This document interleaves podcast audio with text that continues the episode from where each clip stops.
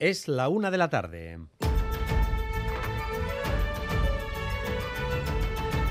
Crónica de Euskadi con Dani Álvarez. A Rachaldeón no suele ser habitual que un balance empresarial sea triunfalista. De hecho, aunque se presenten beneficios en el análisis de resultados, suelen aparecer media docena de peros y de temores. Así que hoy sorprende que el sector de la automoción vasco haya presentado sus datos del año 2022 de manera rotundamente positiva. La automoción en la que trabajan en Euskadi casi 40.000 personas bate récords, 22.400 millones que representan un 20% más que el año anterior. Y eso que estamos en un momento de dudas para el futuro del coche, de incertidumbre y de altibajos en las ventas.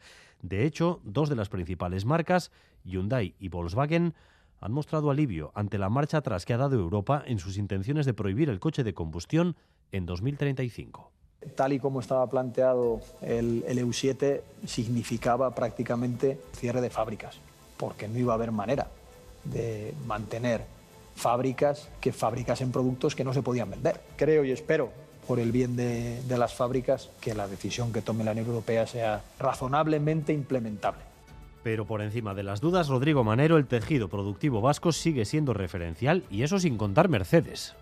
Sí, las 300 empresas que integran el sector de la automoción vasco facturaron el año pasado 22.400 millones de euros, un 22% más, sin contar el peso específico de Mercedes Vitoria. Esto supone batir las cifras del 2019, antes del bache que trajo la pandemia.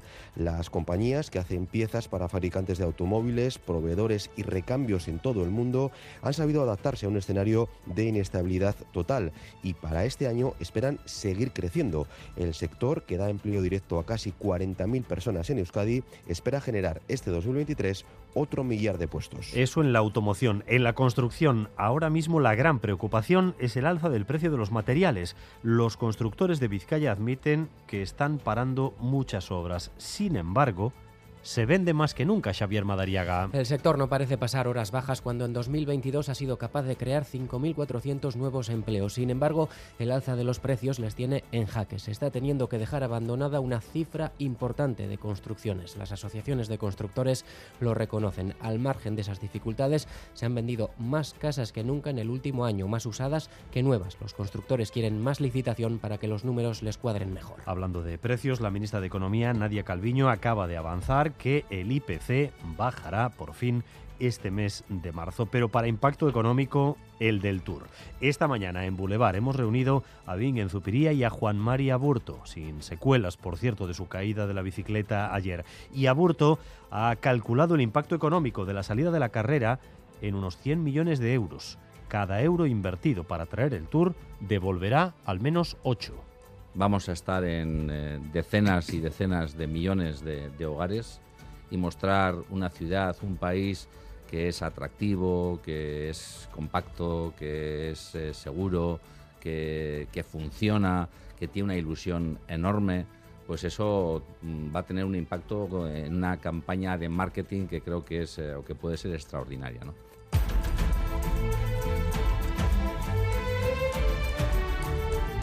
Hoy es el día de la conciliación y la corresponsabilidad, en un mundo en el que las nuevas generaciones ya no viven ni quieren vivir como nuestras madres y padres, nada de estar en la tienda o en el taller desde la mañana hasta la noche. La reclamación de más tiempo libre o en familia es inexcusable, aunque para la, la mayoría sigue siendo insuficiente. Soy autónoma, así que al final me toca gestionarlo por mi cuenta. Soy inmigrante, no tengo papeles, entonces trabajo por días y con mi pareja nos las apañamos. No, no tenía permiso, o sea que dejé el trabajo y, y estaba dedicada. Lo que tenemos es una hora de flexibilidad que nos permite cuando tenemos hijos menores pues entrar una hora más tarde. Sí, yo tuve que pedir una vez reducción de jornada. No, no hemos pedido ninguno, pero gracias a que las empresas han sido flexibles, pero sobre todo los abuelos. Tres empresas del ámbito educativo y tecnológico nos han explicado hoy cómo combinan las exigencias de producción con las necesidades de sus empleados. Entre la gente joven, una de las cosas que buscan es conciliar. Cuidado, conciliar e hijos no, no es único. Hay hobbies, hay vida, Es una persona que tiene una jornada reducida por cuidado, pero hace una jornada mayor durante todo el curso para poder luego eh, disfrutar de las vacaciones junto con sus hijos. Se basa en la confianza en el empleado. Si lo que queremos es que seas productivo, pero siempre vamos a confiar en ti. Tus horarios flexibles, teletrabajo flexible completamente. Y en el Parlamento, nuevo pacto de Euskal Herria Bildu con los partidos del gobierno vasco, esta vez con el propósito de impulsar un salario mínimo superior al vigente en España. José Luis Fonseca. Sí, no, es muy habitual que haya consensos casi unánimes en el Parlamento en torno a asuntos de gran calado como el que nos ocupaba. Pues bien, eh, con pequeñas eh, diferencias, no ha habido discrepancias al valorar muy positivamente el acuerdo en torno al salario mínimo interprofesional alcanzado por EH Bildu, PNV, Partido Socialista de Euskadi y el Garrekin Podemos IU, que han celebrado un pacto por el que se insta al gobierno vasco a impulsar un acuerdo de cara a fijar un SMI superior al actual a través de los agentes sociales y la negociación colectiva y que responda a la realidad socioeconómica de Euskadi. Hay que tener en cuenta que el salario mínimo beneficia directamente a más de 50.000 trabajadoras y trabajadores vascos. Y vamos también con lo más destacado del deporte, con Álvaro Fernández Cadierno, Arrachaldeón Álvaro. Hola Daniel Arrachaldeón, se sigue hablando mucho del Tour, pero también hay que hacerlo de una Echulia que arrancará en Gasteiz el próximo 3 de abril y que se ha presentado hace unos minutos en Eibar. En la Euroliga de baloncesto, Vasconia juega hoy en Belgrado ante el Estrella Roja del viejo conocido Dusko Ivanovic y en golf, John Rand, tras perder ayer, afronta hoy la segunda jornada del Mundial de Matchplay, en este caso ante Kate Mitchell.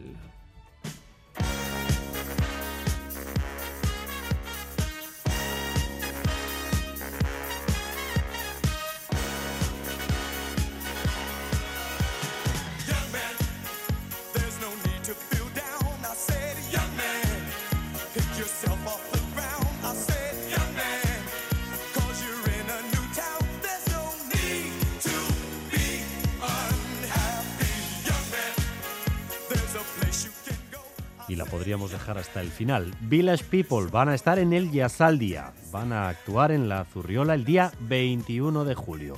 Además de los Village People, van a tocar en la playa otros siete grupos, desde artistas emergentes como Ezra Collective a grupos consagrados como Viva Suecia o leyendas como el trompetista Fred Wesley.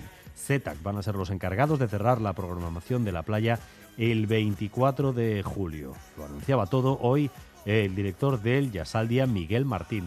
Village People viene con su repertorio habitual porque, de hecho, eh, Víctor Willis, el cantante original y el cantante que ha permanecido durante toda la carrera del grupo, es también coautor de todos los temas que se escribieron en los años 70. ¿Por qué, ¿Por qué viene Village People? La respuesta corta es para divertirnos.